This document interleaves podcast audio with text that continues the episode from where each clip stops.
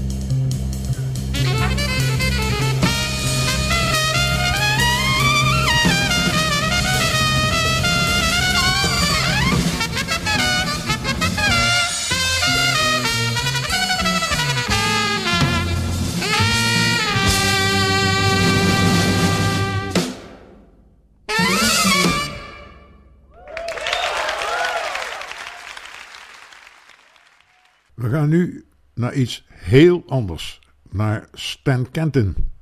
Zijn band had een herkenningsmelodie, Artistry in Rhythm, en daar zijn twee versies van. Eerst het origineel.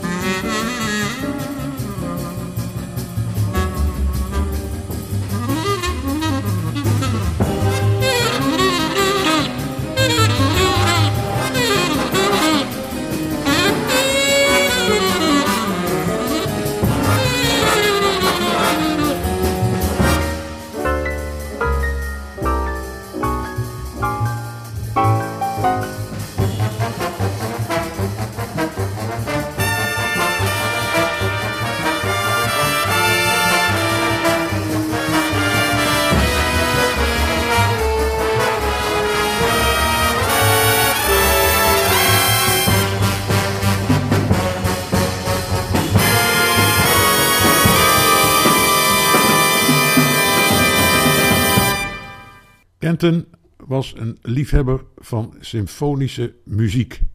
Maar zelf een symfonisch orkest starten was financieel niet haalbaar. Maar hij heeft wel een keer opname met zo'n orkest gemaakt. En toen klonk Artistry and Rhythm zo.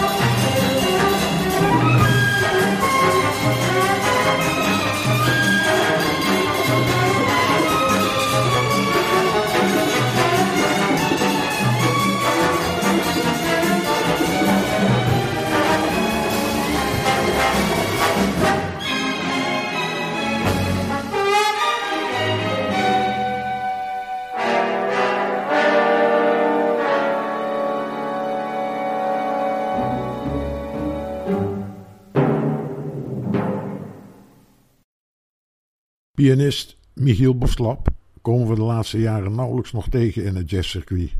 En dat is jammer.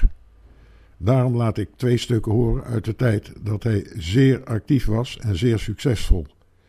Eerst een stuk van de CD Body Acoustic.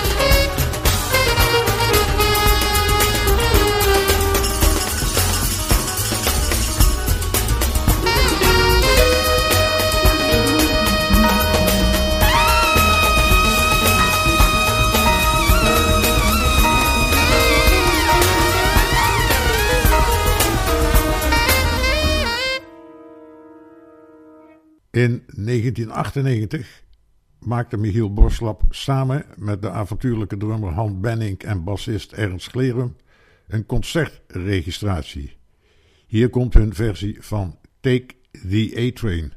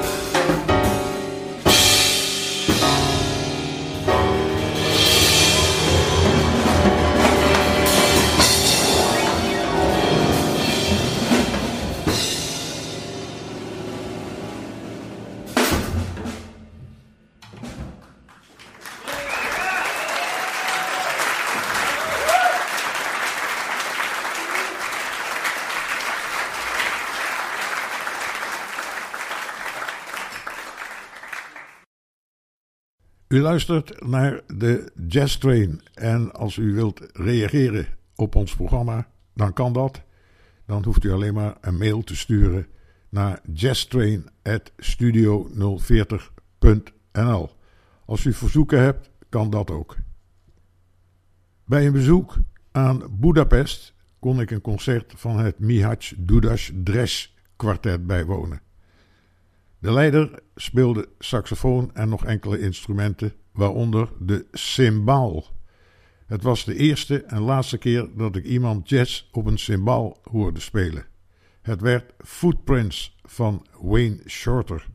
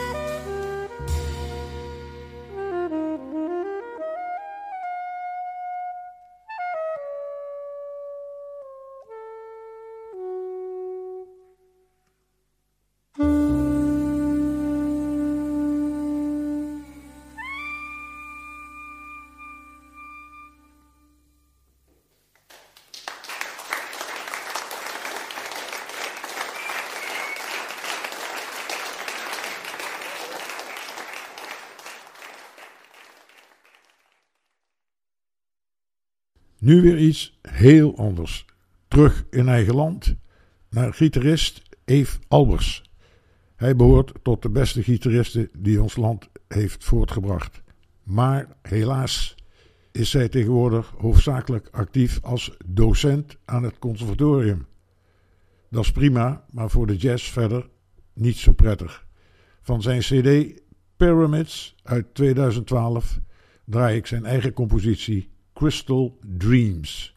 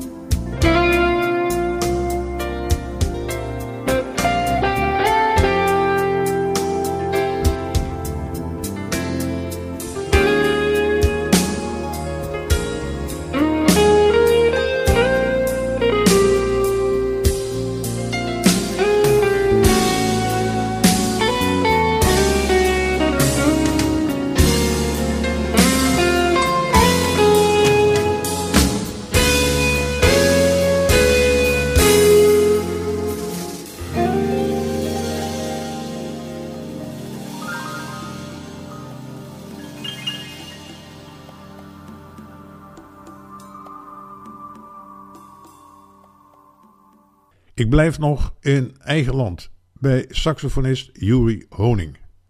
Zoals u waarschijnlijk weet, had hij enkele jaren geleden twee bands: een akoestische en een elektrische. Ongeveer twee jaar geleden heeft hij uiteindelijk voor de akoestische band gekozen. En dat is jammer, want met zijn elektrische band heeft hij in vele landen grote successen geboekt. Ik sluit dit kriskras uurtje door Jazzland af met een concertregistratie. Ik dank u voor het luisteren. Tot de volgende keer.